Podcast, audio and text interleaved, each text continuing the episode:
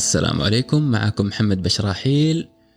وأول يوم دوام بعد الإجازة دائما يكون حق كسل أهلا أنا فاطمة وبرضي كسلانة عشان اليوم أول دوام بعد الإجازة. السلام عليكم أنا سحر. كل أيامي إجازة لأني أنا أشتغل كاتبة فكل أيامي حلوة. أوكي. هذه يمكن وظيفة حلم بالنسبة للجميع. أنت كتبت كتاب؟ أنا كاتبة روائية ومسرحية وكاتبة سيناريو. لي آه، أربع إصدارات روايات. آه، سجين الجسد عام 2014 آمنة 2018 عندي كتاب إنجليزي اسمه Confined 2019 وإصداري الأخير رواية حماسات مرآة بداية هذه السنة. بداية أوه بداية 2022 نعم. أوكي. طيب إحنا جايين اليوم نتكلم عن كتاب واحد من هذه الكتب. نعم همسات مرآة. همسات مرآة. هو أق... هو ال masterpiece حقي أنا أعتبره. القمة إلى هو الآن. القمة. إلى الآن. نعم إن شاء الله. الجاي أفضل. إن شاء الله. الكتاب هذا حسب ما أنا فهمت أنه وراه قصة وقصة كبيرة جدا. صحيح. فهل هي قصة حقيقية في البداية؟ أم... يعني هو لا يخفى على القراء إنه أنا عام 2018 آه، اتشخصت كانت حاله مرة نادرة بالسرطان أنا وأمي في يوم واحد. ويعني هذه طبيا تحصل مرة كل 150 سنة بالذات إنه السرطان ما كان وراثي. كان صدفة. نوعين مختلفة. لا نفس النوع نفس في النوع. نفس الصدر في نفس الجهة و- وصدفة. مش وراثي. ما يعني لا نحمل جينا وراثيا. أوه. أوكي؟ هذا مرة نادر. يعني زي اللي يحصل صدفة الاثنين ما يعرفوا بعض بس أم وبنتها. فالصدفة مضاعفة هنا. الصدفة مضاعفة. حتى في فرنسا لما رحت أتعالج كانوا مرة مستغربين.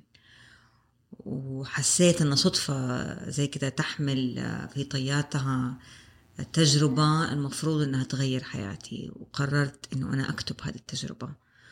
وما يخص تجربة المرض وتحول المنظور حطيته في رواية همسات مرآة. نعم. كيف؟ هو هل كنت بتكتب الكتاب أثناء فترة المرض كاملة ولا كتبتيه كامل بعد ما خلصتي؟ ابدا. أثناء فترة المرض كاملة كنت يوميا أدون تجربتي.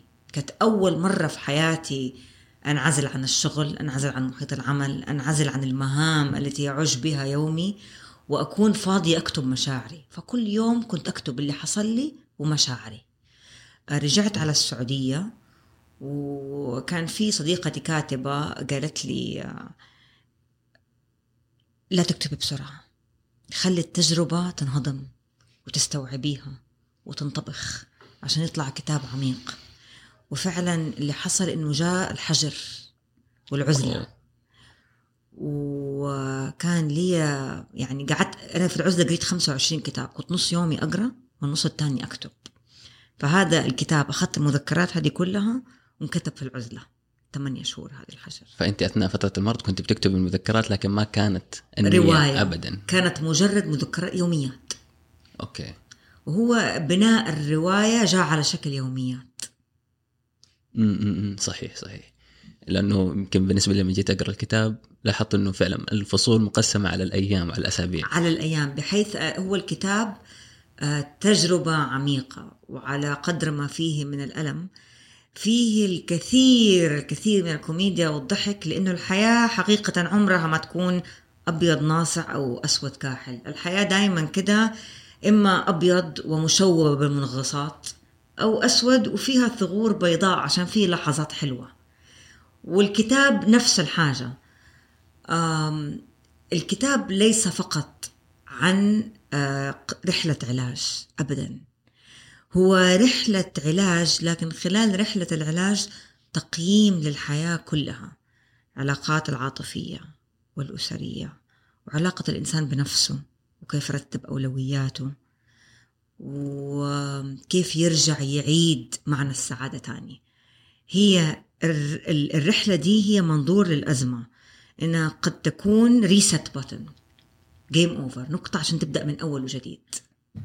توقف الحياة اللي كانت كرة الثلج بالنسبة لنا ماشية. وتتراكم سنة بعد سنة. بالضبط. فنحتاج نهدم الكرة هذا عشان نبدأ من جديد. بالضبط. هل الكتابة هي اللي ساعدتك إنك تتجاوزي هذه المرحلة؟ من الأشياء اللي أنا عملتها آه، بعد البداية الجديدة workshops ورشات الكتابة لل- للصغار اللي هم يبغوا يطلعوا كتاب. فاعتمدت على كتاب اسمه The Artist's Way حق جوليا كاميرون. بتقول إنه من أجل إطلاق الطاقة الإبداعية أنت ممكن تكون مبدع بس ما أنت قادر تكتب. مم. آه، لازم تعمل حاجة اسمها morning pages إيش ال morning pages كل يوم تصحى تكتب صفحة أو اثنين. ما يأتي على بالك غير منمقة لأن الفكرة إن أنت تواصلك مع لا شعورك ما تقدر كده تفكر وتوصل له. هو على طول يطلع بالقلم يطلع في الأحلام. سبحان الله أنا ما كنت قريت الكتاب وأنا مريضة. لكن وأنا بكتب أثناء يومياتي. بعدها لما قعدت أقرأ لما رجعت جدة حسيت نفسي أقرأ لامرأة لا أعرفها. فأنا قعدت عمري كله يعني يعني اكتشفت إنه أنا عمري كله حاطة على نفسي قيود أنا نفسي ما كنت عرفتها.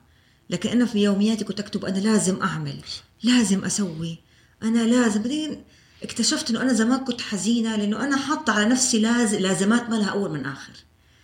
فالفكرة إنك أنت لما تكتب تفهم نفسك.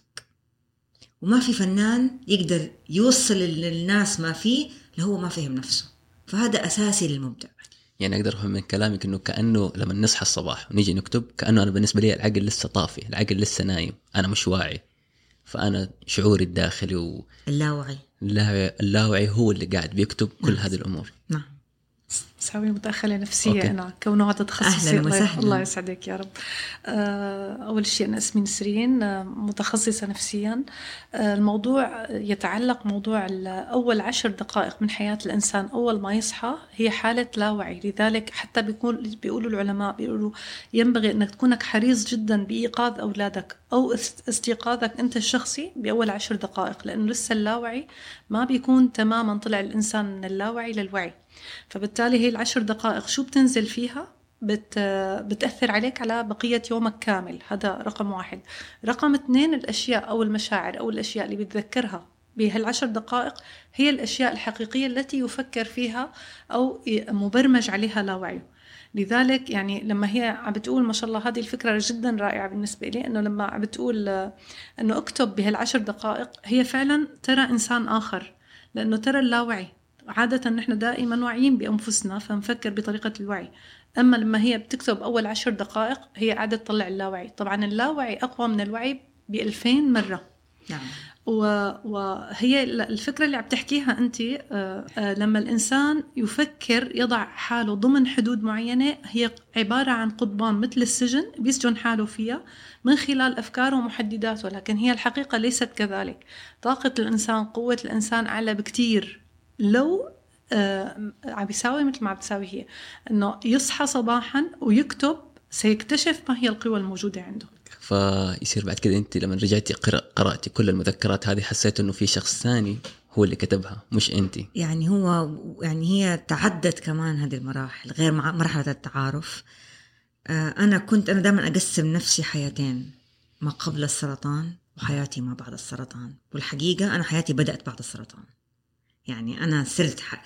أصبحت أعيش حياتي كما هي جديرة أن تعاش من بعد السرطان.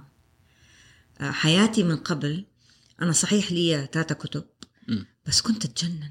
يعني كنت أروح أحلى أماكن في العالم مراكش وبالي وأقعد في ذيك الجنات وذاك الصمت ويجيني كده بلوك ماني قادرة أكتب. كنت أتجنن. أم أنا قبلها كانت حياتي يعني كان دائما علي ستريس. الحياة يعني الست دائما عندها إحساس بالتقصير وعندنا نحن إحساس مضاعف بأن نحن لازم نثبت ذاتنا لازم تكوني أحسن زوجة وأحسن أم وأحسن واحدة تشتغلي ولا ما ع- لازم دي ما أعرف من فين جات. بس إحنا كده بنقول لنفسنا. زرعت فيكم. زرعت فينا. عشان كده تلاقي الرجال حتى أروق مننا. وأزمة الكمال دي كانت تخليني حتى لما أجي مثلا أبغى أمدد ظهري ربع ساعة في اليوم لازم أجدولها فطبعا مع هذا يعني المخ ده صح في أقرأ كثير ولكن التجارب دي لا تهضم. لا تطلع في لا وعي أفهمها ولا حتى تهضم داخليا. دائما كده المخ متروس متروس متروس بس انبوت الفترة اللي أنا ال process هذا اللي أنا كتبت فيه ثم قرأت ما كتبت ثم كان لدي متسع من الوقت لأهضم التجربة خلاني أكتب كتاب عمري ما حلمت أن أكتبه. منتهى الانسيابية. منتهى المتعة. ما في لحظة block واحدة. أقرأ وأشعر وأنا ما ما أشعر إن أنا بعصر مخي زي زمان عشان أكتب. أشعر إنه المشاعر والمعلومات تنساب من جوا. كتبت كتاب حجمه ضعفين اللي أنا كتبته من الأول من غير ما أحس. في فترة اقصر يعني كانت تجربة جدا مختلفة. فهذا بالنسبة لك كانت التجربة بشكل عام. طبعا. طيب آه متى تم التشخيص؟ آه للسرطان؟ نوفمبر 2018 نوفمبر 2018 أيوة. وكم أخذت تقريبا مدة العلاج بشكل كامل؟ آم، لغاية July 2019 رحنا باريس. أوكي. كانت في باريس. فكانت يعني بالنسبة لي كانت تجربة كانت بالنسبة لي مساحة خارج الزمن. صح كان فيها ألم لكن كان فيها كمان إنه أنا حسيت إنه آه، وضعت في مكان نفسي أعيش فيه كان طول عمري. نفسي كان إن أنا أجرب التجربة الباريزية وكأنه حسيت إنه رزقت بالمرض عشان ما ما ما يكون مخي علي زي الكرباج انه أنا لازم أعمل شيء. أنا بتعالج كفاية علي خليني أستمتع بجمال المدينة. أوكي. فالرواية كان فيها عراقة التجربة الفرنسية وثقافتها وإحساسي بها كثيرا. يعني فك... بدأت أفكر فيها ليست لست كسائحة ولكن كفنانة.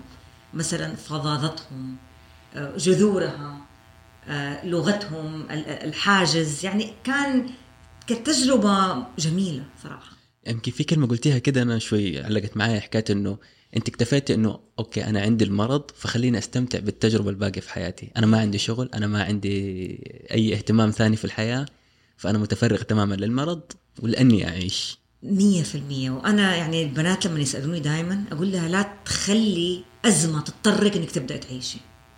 عيشي وأنت بصحتك وأنت سعيدة من غير مصايب. لا تخلي حاجة يعني ساعات كده يمكن أنا هذا الكف اللي جاني عشان أقدر هذه الحياة اللي أنا أعيشها السعيدة اللي أنا عايشاها من دحين الحمد لله إنه هو لو جات على كده الحمد لله إنه أنا حصل كده. لكن أنا دائما أقول للستات لا تخلي نفسك تستعبدك. ولا تخليكي واحدة من اللي لازم تجيهم أزمة عشان تعملي ري بيفت إعادة ت- تمحور للحياة تمحور الحياة نعم آه بس هل مثلا كعائلة كأصدقاء كأبناء كزوج كيف كانت ردة فعلهم تجاه الأزمة هذه؟ يمكن بالنسبة لك كنت السيدة اللي مهتمة بهذا كله لكن فجأة صرتي مهتمة بسحر فقط صح إيش كان تأثيرهم عليهم هم؟ إيش- إيش كان التأثير؟ أصعب شيء على المريض الناس اللي حواليه. الحقيقة. يعني من أصعب أكبر الأعباء كانت علي كان المحبين وكانوا الأهل وكانت إنه أمي مريضة وكانت حالتها متقدمة عني لكن ما كانت حاسة بوجعها عشان كانت مرة حزينة إنه أنا تعبانة. والدي اللي كان يعني يروح ويجي أخواني الأصدقاء اللي كانوا يسيبوا عيالهم خالاتي أم أبنائك. ابني الوحيد يعني وقتها كمان 14 كان عمره وأنا غلطت غلطة فظيعة إنه أنا ما صارحته. وعرف من برا. وكان مرة زعلان. يعني هذه برضو من الأشياء إنه نحن برضو في ثقافتنا ما عندنا إنه الصغير ما يفهم. ما يفهم لا تزعلوه. آه، نعمل هذا الحاجز الزجاج الزجاجي عشان نحميه. نحن عندنا هنا اكشلي يعني بعض الأطباء يكون مريض سرطان وما يقولوا له انه هو مريض. يروحوا يقولوا لأهله. يعني ثقافة نقل ال bad news إحنا ما عندنا النضج العاطفي. حقيقة إنه نحن حتى نعرف إنه ال bad news زي ال good news. لازم أنت الخبر السيء تتعلم كيف تعطيه اللي قدامك وهو ترى حيتحمل. فأنا هذه كانت غلطة سويتها. آه ابني جلس حزين. يعني أنا تشخصت في نوفمبر ابني بكي في إبريل. فترة طويلة. بكي بكي بكي وسألني أنت زعلانة عشان شعرك طاح؟ أنت كان كثير عليه. مم. آه وكان عامل بيني وبينه حاجز إلى لحظة انهياره هذه. فكان آم، الأصدقاء يعني شوف هي من من من صحيح صعب على المريض إنه يشوف اللي حواليه بس المرض كمان محك إن الواحد يشوف قد إيش هو استثمر في حياته في الصحيح.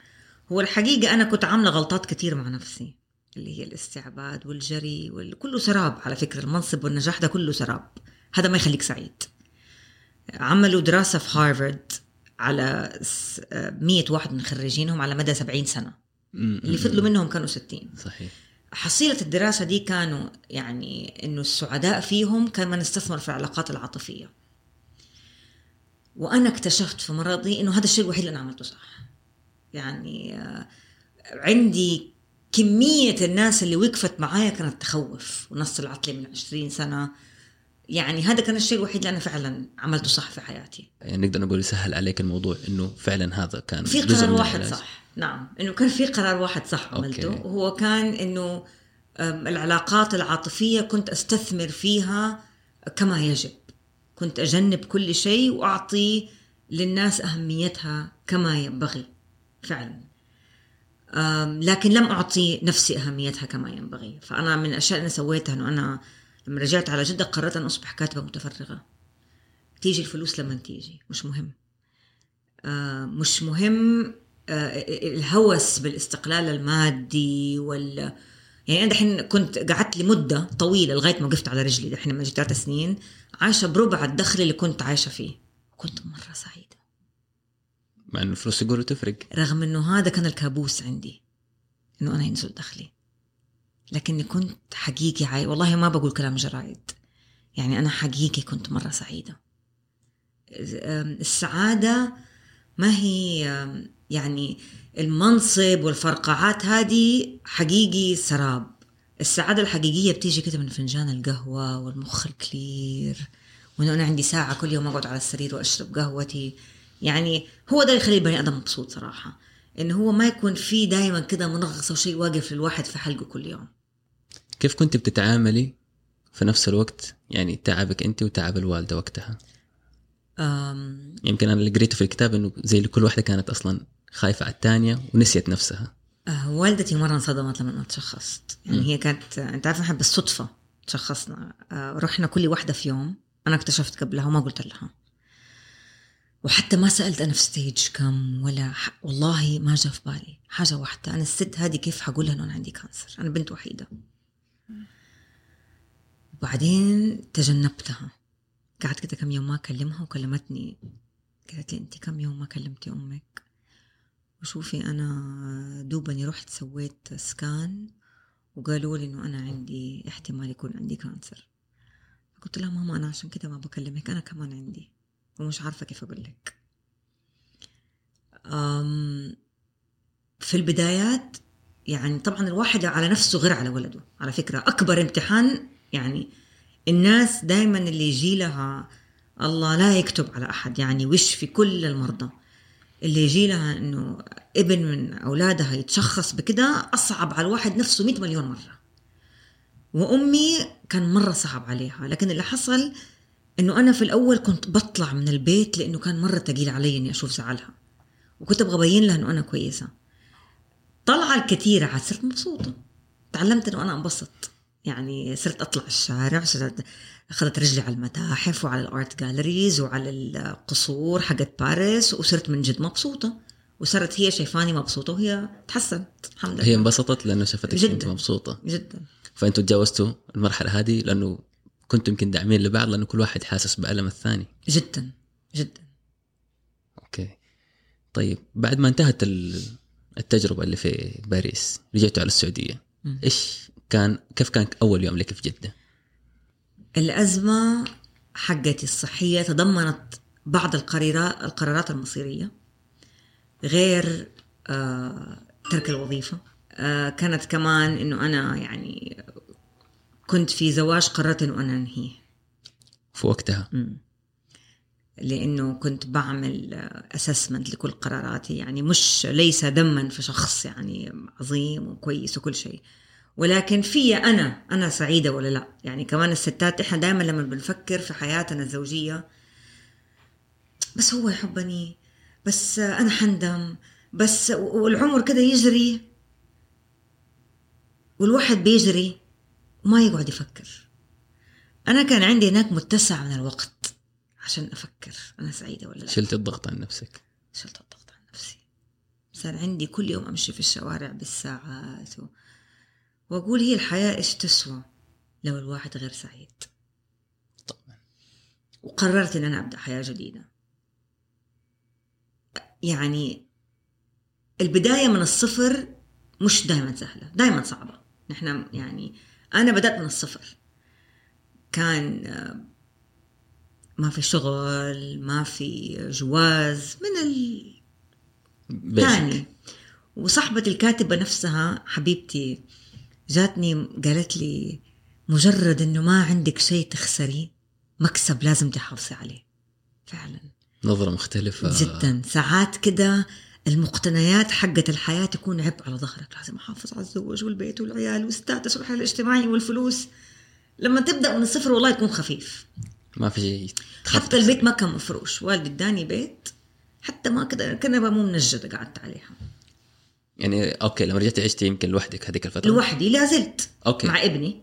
دحين أنا معايا ابني عمره 18 سنة. okay بس كان وقتها ابني مش معايا. وجيت كده في بيت قاعد كده في غرفة ظلام. أول يوم وصلت الداتا طلعت لي على الباب سجلت على الأرض قدام الجراج إنه أنا رجعت. قلت سنة ما شافتني. يعني معايا من زمان. ودخلت وقعدت كده لوحدي على الكنبة طالع في حواليا وبكيت.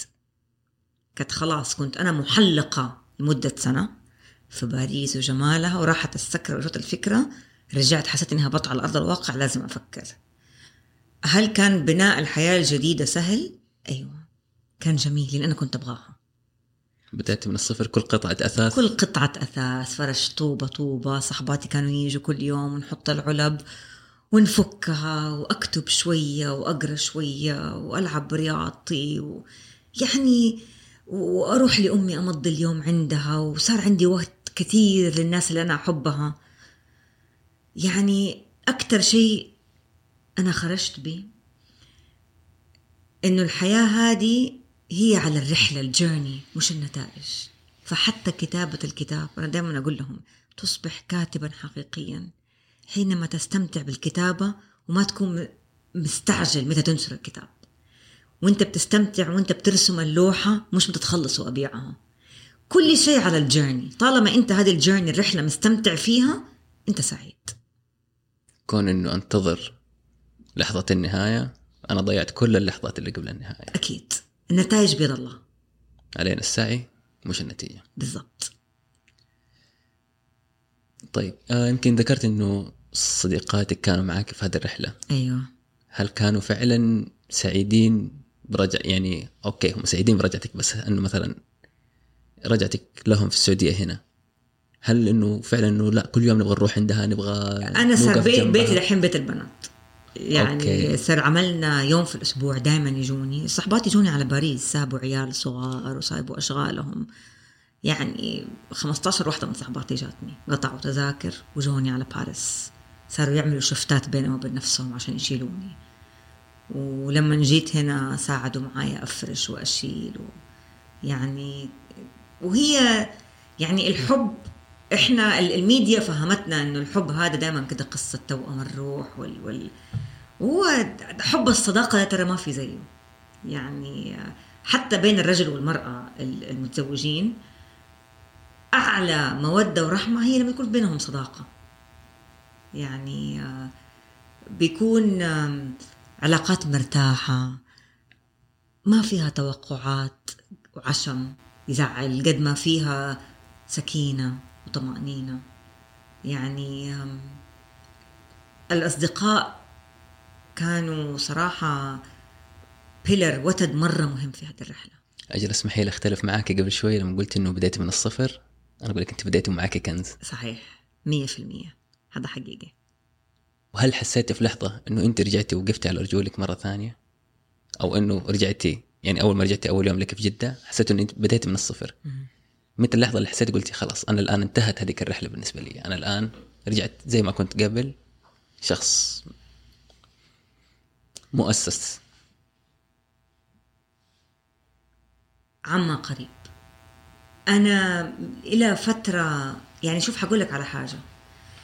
أم، إنك أنت تخسر سلوك نمطي ونفسية معينة ما هو شيء سهل. وهي ما مش إنك كده تتجرد منها تماما هي تروح وتجي. أنت لازم تكون أوير واعي. فأنا ساعات كده ألاقي نفسي أجري أجري أجري بعدين أقول آه هذا أتيتود القديم. لا أنا ما حسوي يوقف كده. عشان لازم يوقف عشان نتغير. سعيدة. أيوة. متى حسيت؟ بعد سنتين. يعني من سنة. بعد سنتين من التجربة ما خلصت. التجربة التجارب والأزمات يعني أنا عملت ثيرابي كمان. لأنه في إلى الآن ترى في عنصر الخوف الخوف من المرض. طبيعي إنه يرجع المرض مرة ثانية بصورة ثانية مرض بالضبط ثاني. يصير أيوه صار في شيء تاني خايفة منه. فالواحد عشان يفهم نفسه ويهضم التجربة دي كلها و... وتتحول إلى نضج يبغى لها وقت. فمثلا ممكن تقول سنة سنتين أخذ الموضوع. فوقت يعني هل في حدث معين ولا خلاص حسيت كده إنه انتهى الموضوع. بالنسبة لك أو إنه الآن أنت تقدري تكملي حياتك بطريقة مختلفة تماما.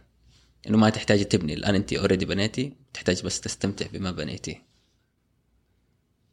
هي رحلة لا تنتهي صراحة. لكن أنا حسيت بأن بعدها بسنتين حقيقة. لأنه كمان سنتين هي المدة التي يزول فيها أي احتمال أو معظم احتمال عودة المرض. فكنت حسيت إن أنا في مأمن بصراحة. آخر فحوصات لي دحين في نوفمبر. هي اللي حسيت أنا ببدأ في حياتي من جديد فعلا. انه خلاص جزء كبير من الخوف أو جزء كبير من الهاجس أيوه كان هاجس انتهى. الصراحة كان يخوف لأنه الخوف المشاعر لا تخضع لمنطق. منطقيا أنا كنت في المرحلة الأولى ومرة صعب إنه يرجع تاني اولموست مستحيل. لكن الخوف ما يستمع لمنطق. الخوف تبع ندبة وتروما. يظل معانا. يظل معنا قد يعيش معنا بقية عمرنا. أيوه. كيف كان تعاملك مع الناس يمكن خصوصا أهلك بعد ما رجعتي. يعني أتكلم عن الوالد عن مع الو- الوالدة أبنائك أو ابنك. آم، ابني. أنا مع الناس كلها صراحة مش فقط مع الأسرة. أول حاجة مع أهلي يعني بالذات مع أمي شوف حقول لك شيء.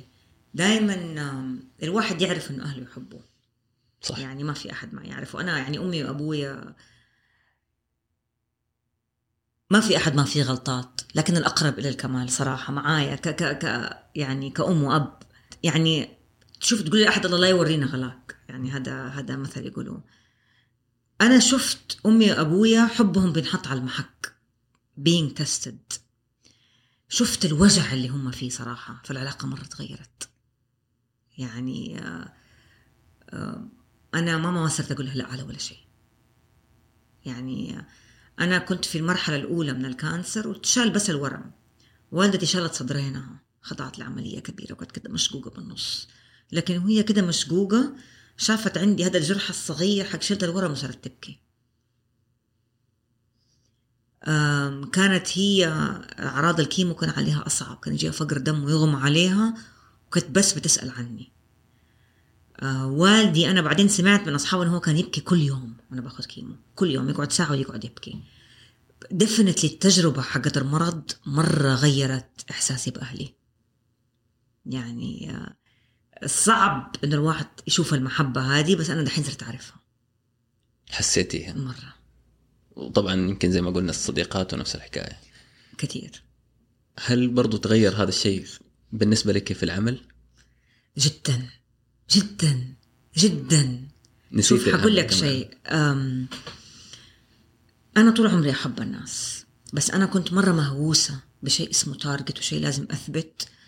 صراحة أنا كنت شديدة على الناس اللي حوالين يعني حتى لو الحين يسمعوني والله أنا أتأسف لهم. يعني كنت مرة tough مو قصدي أكون tough بس ماني شايفة قدامي. دحين القائدة التي كانت والتي كنت واحد تاني دحين أنا اللي بصير lead writer في project في كتابة. أنا ما أتعامل ك leader أدي كل واحد مساحته وأسمع ومش مهم يكون أحسن عمل في العالم مهم كلنا ننبسط والكل متونس. مرة فرقت معي هذه التجربة جدا.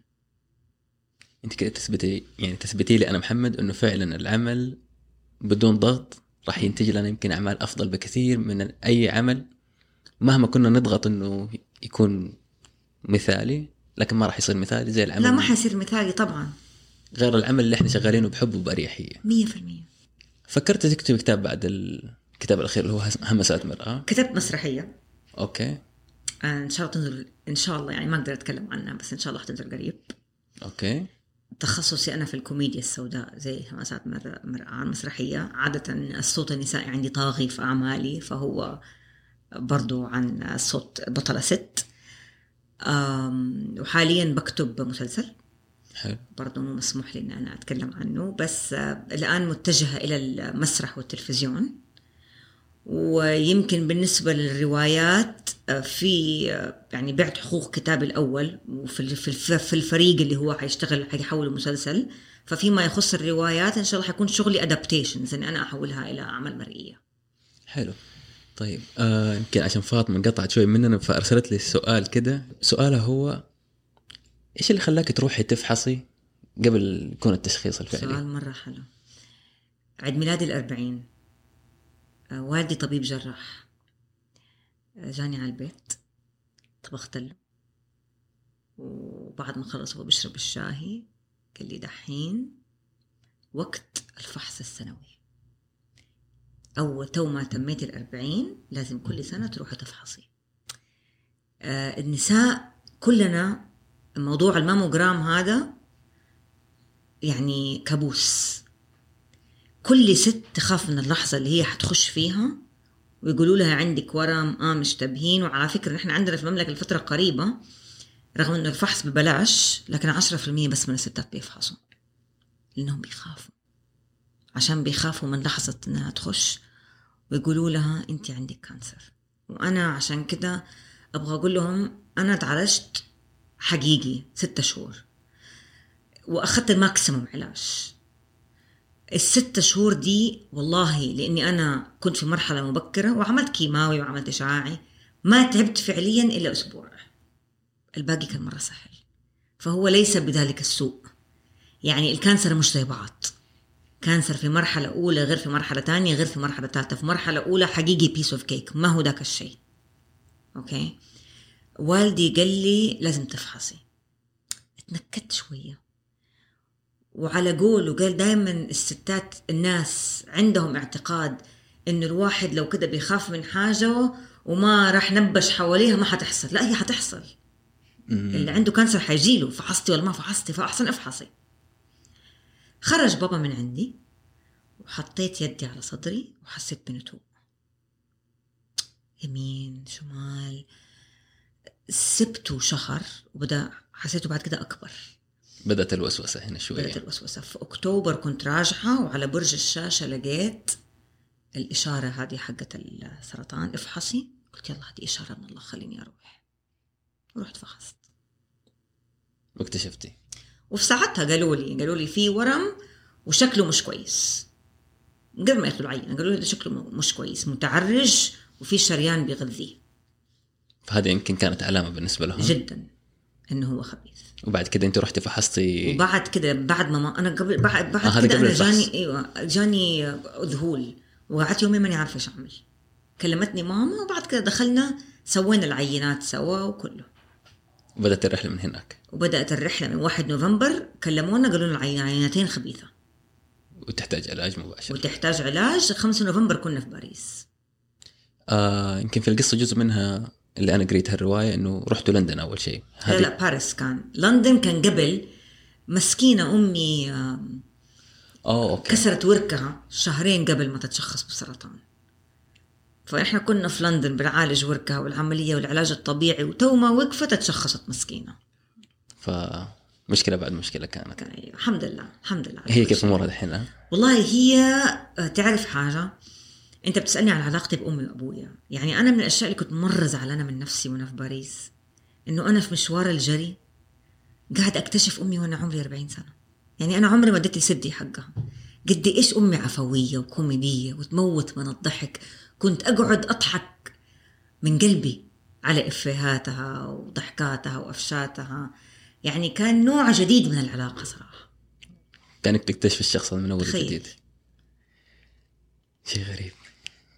ف طيب إحنا الآن راح ننشر الحلقة إن شاء الله أكتوبر اللي هو بداية شهر سرطان آه، الكشف عن سرطان الثدي أو الحملة التوعوية لها. بإذن الله. البنات أو السيدات اللي بيسمعونا اليوم إيش حابة تقولي لهم؟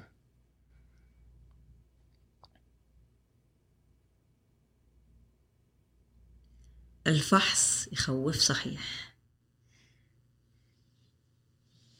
لكن اللي يخوف أكتر إنه لا سمح الله لا سمح الله. لو كان عندك شيء وكبر ما حتسامحي نفسك إنك أنت كان ممكن تلحقيه وهو صغير وما سويتي كده. آه الأورام آه 80% منها حميد وعشرين خبيث. فيعني حتى لو لا سمح الله كان ورم يعني الستات عادي إن هم ترى يطلع لهم أورام. فهو مرة مرة احتمال ضئيل. ولو حصل يعني هو 12% من الستات بيجي لهم breast cancer لو حصل وتمسك بدري الرحلة مرة مرة مرة مختلفة وليست بهذا السوء. افحصي. في أي مكان؟ الفحص مجاني في السعودية؟ الفحص موجود عند المستشفيات الحكومية أبدا مو مقصرة والفحص رائع هنا. جميل. آه يمكن في نقطة قلتيها قبل شوية. أنا حابب أستفسر منك أنت. ليش فعلا إنه الإنسان يخاف يفحص عن المرض أصلا؟ يعني دائما هي- الإنسان عنده التجاهل تجاهل المخاطر هو اللي بيريحه أو الهروب من المخاطر تجاهل المخاطر أو الهروب منها. هو يعتقد أنه إذا تجاهل أو هرب هو في مأمن حقيقة هو يؤخر ويؤجل فقط. مثل ما عم بتقول لما أنا واجه من أول دقيقة واجه المرض اللي عندي واجه التعب اللي عندي حواجهه هو وصغير. حتى مشكلاتنا النفسية لما نواجهها من بداية ال- ال- الأزمة بنحلها بسرعة. أي شيء تواجهه في البدايات أسهل بكثير مما أنك تواجهه في النهايات أو بوقت متأخر. لأنه كل ما له ينمو ويكبر ال- ال- المشاكل والمخاطر أيا كانت سواء مرض جسدي سواء مرض نفسي سواء علاقة غير صحية بين زوج وزوجته. كثير منهم أيضا بيتجاهلوا بي- بيأخروا. ليش؟ آه نوع من الهروب ما بدي واجه اللي أمامي. لا أنا أواجه من البداية بلطف آه، بأسهل الطرق و- وأنهي الموضوع سريعا. يعني ال- ال- التجاهل بصراحة آه، ضد ال- الجبن أنا هكذا أعتبره من الجبن التجاهل أو الهروب. لا خلص أنا أكون إنسان قوي وأواجه. آه في حابه في نقطة حابة تضيفيها في مثل يقول لك وقوع البلا ولا انتظاره. وهذا المثل آه، يعني يحط يده على حقيقة. الخوف أوحش من المرض. أنا وأنا كنت أتعالج أوحش من الموت. 100 من المرض. 100 مليون مرة. الخوف من المرض أوحش من المرض نفسه. صحيح. يعني أنا وأنا كنت أتعالج كنت في قمة السعادة. متى بدأت أتضايق؟ لما رجعت وصار آه يرجع. ما يرجع آه ما كنت خايفة وأنا مريضة. الخوف أوحش من المرض. الخوف ده ال- الخوف خوف من الفشل خوف أتطلق خوف أفلس خوف أحد من أولادي يحصل له شيء. الخوف ده أكثر شيء يمرر حياة الإنسان. يعني- في في بس اللي مداخلة بهذا الموضوع في كتاب آه، عن الخوف بيقول لك آه، 10% من المخاوف هي حقيقية. و90% من المخاوف آه، يعني من من آه، من 90 إلى 99% من المخاوف هي غير حقيقي. والإنسان لذلك لما يعيش المخاوف وتسيطر عليه المخاوف أسوأ بكثير مما يواجه الحقيقة. فهي لما واجهت المرض ارتاحت. أما هي المخاوف اللي كانت عايشتها أسوأ بكثير لأنه هي المخاوف شوف الشيء اللي موجود في الخيال دائما أصعب لأنه ينمو بسرعة. حقيقة الخيال أحيانا بيكون هو السرطان. أكثر من من مرض أكثر. تمام. يعني لا مو مو مو, مو فقط ب- ب- بحقيقة مرض السرطان. الخيال هو سرطان بكل فكرة. يعني أي فكرة أنا خايف منها طالما أنا مخلي الخيال يغذيها إذا أنا عم بصنع سرطان حول هي الفكرة. يعني ورم. يتغذى أيوة. وينمو ويكبر. تمام, تمام. حاجة كنت أبغى أقولها بخصوص هذا الموضوع إنه الخوف جزء كبير منه ما هو في الحاضر. الخوف دائما على شيء ما حصل. وجزء من إنك أنت ما تعيش حياتك خايف إنك أنت تعيش في هذه اللحظة. دحين أنا بكرة عندي تحليل. أنا صرت دائما عندي خوف من أي تحليل أسويه. دم. لأنه غصبا عني ترجع لي لحظة طلع عندك كانسر غصبا عني. فدحين وأنا. قاعدة هنا وأنا بفكر بقول خلاص أنا بكرة حسوي التحليل. ما حقعد أفكر في النتيجة هي قدام. أنا أفكر في لحظة. مرة يساعد كثير. الخوف من المستقبل يحمل الخوف من الفشل والخوف من الموت والخوف من المرض والخوف إنه أحد يحصل له شيء والخوف من خوف من خمسين شيء. بس وإنت عايش الحاضر إنت كده عايش مستانس مبسوط ما في شيء يخوف. فعلا يمكن هذه امس قلتها لشخص قلت له إنت بتخ... إنت بتموت من الخوف قبل ما الموت يجيك أصلا. صحيح. فاطمة؟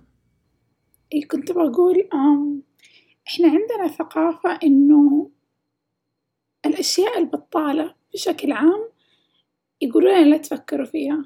مو بس عشان الخوف لكن عشان عندنا نوع من الإيمان إنه آه، الصحة النفسية أو نفسيتنا تجاه الشيء بتجيب لنا مرض. أفتكر في فترة تعبت فيها بسبب التهاب وكنت أروح أحلل جلست تقريبا ستة شهور من دكتور لدكتور أحلل وكلهم بيقولوا لي نتائج فحوصك كلها سليمة. انتي فعليا ما فيكي شيء وما إحنا عارفين نحدد انتي ليش بتتوجعي من وين جاي الألم. وكنت أخذ أدوية وما كان في شي بيضبط معايا. وصلت لمرحلة الدكتور قال لي ترى في احتمال مرة كبير إنه أنتي فعليا ما فيكي شي بس نفسي لأنك لما آه، خفتي من هذا الشيء إنه لا يكون عندك شيء ورحتي مثلا دورتي وبحثتي كل ما تقري زيادة عن الموضوع كأنك بتجيبيه لنفسك. هو فعليا ما فيكي شيء بس نفسيا بتأثري في نفسك. فأعتقد هذا واحدة من الأسباب اللي بيخلي الناس هنا عندنا يقول يخافوا من الفحص أو ما يفحصوا عن الأشياء وهم ما فيهم شيء هم هم حاسين بشيء. شكرا. بالنسبة للثقافة يعني أنا أبغى أتكلم عن نقطة ثانية. صحيح إنه هو الواحد ما لازم يعني إحنا ناس مؤمنين و... بس إحنا كمان لازم نكون ناس ناضجين. إحنا في ثقافتنا يعني لسه حتى يسموه المرض البطال يا لطيف الخبيث. يعني الستات وسطهم ويا أحد يمرض ما يقولوا ويدسدسوا. يعني أنا في ست أنا يعني كنت بحاول أنا أسوي support group بس في ستات كثير حتى تزعل لما تقولي لها انت محاربة. يعني أنا خلاص نسيت أنا ما عاد أبغى أفتكر حاجة وهو على فكرة من أكثر الأشياء اللي تدعم مريض السرطان السرفايفرز الناس اللي عندهم تجارب.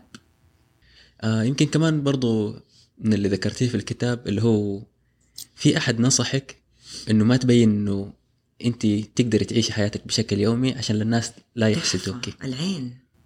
العين هذه ثقافة العين هذه اللي إحنا ذبحتنا. يعني دائما لما يقولوا لي كذا أقول لهم طيب يعني المشاهير جينيفر لوبيز والناس كانوا ادوهم هم عين يعني عين عين إيش حيدونا؟ نحن وصلت يعني أول شيء أنا وأمي جانا نحن ما جانا عين جانا عشان إحنا الاثنين كانت حياتنا very stressful وعندنا خوف كثير وتعصيب كثير. وتعرضنا أنا وأمي لضغوطات في نفس الوقت و... وطبيعتنا كده قلوقة وعجولة و... وهو ده على فكرة الدكتور اللي عالجنا مطلع كتاب بيقول فيه إنه هذا سبب السرطان من أسباب سرطنة الخلايا high levels of stress خوف unhealthy lifestyle ترى زيه زي التدخين okay؟ هذا مرة أنماط سامة للجسم. تخرج على شكل مرض. طبعا. لكن أنا اللي يضحك إنه آه، عملت العملية حقت الورم ورجعت جدة أخلص ورقي بعدين كنت رايحة باريس. فواحدة حبيبتي من صحباتي اللي هي الدائرة المقربة حقتي قالت لي البنات يبغوا يسلموا عليكي لا تتعبي نفسك أنا حفتح استقبال في بيتي أنت قاعدة تيجي. طبعا وأنا رايحة من التليفون لا تحط ميك أب. لا تتكلمي لا يكون شكلك كويس لا توقفي يعني طب طب أروح ليه؟ يعني عشان لا يدوك يعني طب أروح ليه يعني؟ حروح رحت على هناك. المهم وأنا قاعدة جاتني برضو واحدة قريبتي هي سكره بس قالت لي كانت واحدة بنت بتقول لي إن شاء الله عساكي كويسه قلت لهم لا إن شاء الله هذا cancer بسيط و... ويتعالج. قلت لا تقولي للناس كده لا تقولي كده. أي أحد يسألك أعملي نفسك كده حزينة ومنكسرة وقولي أنتوا بس كده ادعوا لي قلت لها خلاص حيدوني عين حتى بعد ما جاني ال cancer. حتى هذه فيها إيش عين. أكثر من كده؟ إنه إيش أكثر من كده؟ إيوه. المهم إنه نحن في نص ديك العزيمة واحدة من الغرز حقت الجراحة فكت غرزة سطحية وكنت لابسة بلوزة بيضة وصار عليها دم وصار في حالة من الهلع طبعا هو أنا نورمالي أنا كنت حقول أنا يا جماعة ما في شيء قلت تعرف خليهم أحسن خايفين مش عين في عين يلا خليهم يحسوا أنا مرة تعبانة وسبتهم. وأخذت الموضوع يلا من هذه الجهة. إيه. آه سحر. طيب الآن اللي حابب يسمع مجرد زبدة للحلقة أو نصائح أخيرة أو كلمة أخيرة حابة توجهيها للي بيسمع البودكاست. الحياة مرة قصيرة. عيشها كما تريد أن تعيشها وليس كما تظن أنه يجب عليك أن تعيشها. أنت في الدنيا ما أنت واقف على مسرح ترى لا حد همه إنجازك ولا أنت إيش سويت. وانت لو وصلت وعملت ترى مو شرط انك انت تكون مبسوط. آه، خلي دائما لنفسك أتأكد إنه أنت عندك وقت للا شيء. وقت اللا شيء ده الفراغ لا تحس بالذنب لما يكون عندك. لأنه هو ده الوقت اللي بتهضم فيه تجاربك وبترتب أولوياتك وبتتكلم فيه مع نفسك. ولا تنتظر أزمة ترغمك. أن تعيش حياتك كما ينبغي أن تعاش. سويها كده وأنت واقف على رجولك. ومن بدري. ومن بدري. واللي بيسمعون الآن أعمارهم ما بين يعني 20 و30 سنة. سووا اللي تبغوه التخصص اللي تبغوه والمجال اللي تبغوه. التوفيق في ظروف مش بيدكم. اللي في يدك إنك تعيش كل يوم العيشه اللي أنت تبغى تعيشها وتسوي اللي أنت تبغاه. جميل جدا. نسرين حابة كلمة أخيرة؟ آه، طبعا هي حكت آه، على موضوع الآن الكتب كلها قاعدة تضج فيه هو موضوع الحضور أو قوة الآن اللي هو بيقول لك أنه لما أنا أعيش لحظتي الحالية لحظتي الحاضرة لا أعيش بقلق المستقبل ولا بألم الماضي فأنا بعيش سعيد مهما كانت الإمكانات بسيطة حولي. فهي هذه التجربة اللي طلعت فيها ولذلك كانت حتى عم بتقول بدأت أتعرف على أمي وأستمتع في حياتي لأنها بدأت تكون حاضرة في الحياة. أنا أوصي الجميع. كن حاضرا وكن أيضا ربانيا. يعني سوي علاقة مع الله عز وجل تتكلم فيها مع الخالق.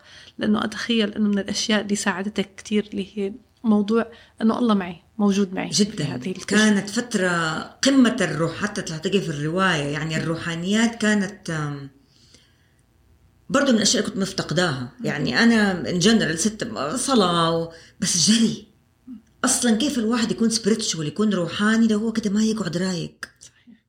حاضر. جميل. فاطمة إيش زبدتك من الحلقة؟ في زبدة كنت دايما أقولها في فترة من الفترات بس آه وقفت الحلقات الماضية. وأحس إنها مرة مهمة تنقال هنا وهي لازم لازم يكون الشخص رحيم مع نفسه. لازم يكون جزء من رحمته مع نفسه هو إنه ما يخلي الخوف يوقف في وجه إنه يروح يفحص سواء وهو حاس إنه ممكن يكون في شيء غلط أو شيء صح. وهذا الكلام مو بس للبنات طبعا هذا الكلام لكل اللي بيسمعوا بنت ولا ولد صغار أو كبار. لا تستنوا الشيء البطال يصير. وكونوا دائما اسبقوا بخطوة. وتذكروا إنه رحمتكم مع نفسكم مو بس تجي وقت المرض لكن حتى مع أشياء زي زي القلق والتوتر. آه ذكرت آه سحر شيء مرة مهم هو إنه القلق وال stress العالي يسبب آه، من مسببات السرطان لكن مو بس يجيب سرطان يجيب أشياء مرة كثيرة ناس مرة كثير يجيها تساقط شعر عندهم مشاكل في البشرة عندهم مشاكل حتى في القلب عندهم مشاكل الأمراض ش- المناعية ال auto بالضبط. immunes بالضبط. كلها وأنا من الناس اللي جربت هذا فعليا إنه يجيب التوتر لا تستنوا إنه يجيكم المرض عشان تقولوا أوه أنا لازم أخذ لحظة مع نفسي وأكون رحيم مع نفسي. لكن من البداية فكروا بإنه كل شيء أنتم بتسووه بيرجع لكم فلازم تكونوا رحيمين. صحيح. شكرا يا فاطمة. أوكي أنا زبدتي من الحلقة هي إنه صحيح بتعدي بين أزمات بس حيكون شيء حلو جدا لو إحنا تعلمنا منها وعرفنا كيف نرجع نعيش مرة ثانية. وأكيد ما في أحد فينا بيعرف بيعيش من أول يوم في حياته. صح. يعني لا أحد يولد عالما هذه الجملة بالنسبة لي أنا معلقها في المكتب. ما في أحد يعرف يعيش ويعرف يسوي كل شيء في الحياة صح من أول يوم. في ظروف أو أزمات أو أحداث بتعدي علينا في حياتنا هي اللي بتعلمنا. فممكن نستغلها بأفضل طريقة ممكنة. وهذه رساله أوجهها لنفسي قبل ما أوجهها لأي أحد. طيب أستاذة سحر الناس اللي حابة تتكلم معك أكثر أو حابة تتواصل معك أكثر كيف ممكن تلقاكي أنا موجودة على إنستغرام سحر بحراوي على تويتر سحر بحراوي وحساباتي مفتوحة. وحتى يعني الكتاب موجود في جرير وممكن يكلموني دائما أرد على كل القراء وكل المعلقين في المنصات ال social media دائما. جميل جدا. آه فاطمة كيف الناس ممكن تلقاكي؟ كل مكان على at Fat That Ma F A T T H A T M A. وأنا محمد بشراحيل تلاقوني على إنستغرام at mosbash أو على تويتر at mosbash وتقدر تتواصل معنا على حسابات الزبدة at azzbda في إنستغرام أو تويتر. شكرا لاستماعكم و... شكرا أستاذة سحر. شكرا لك كثير يا القدر. أستاذة فاطمة شكرا. وإلى اللقاء.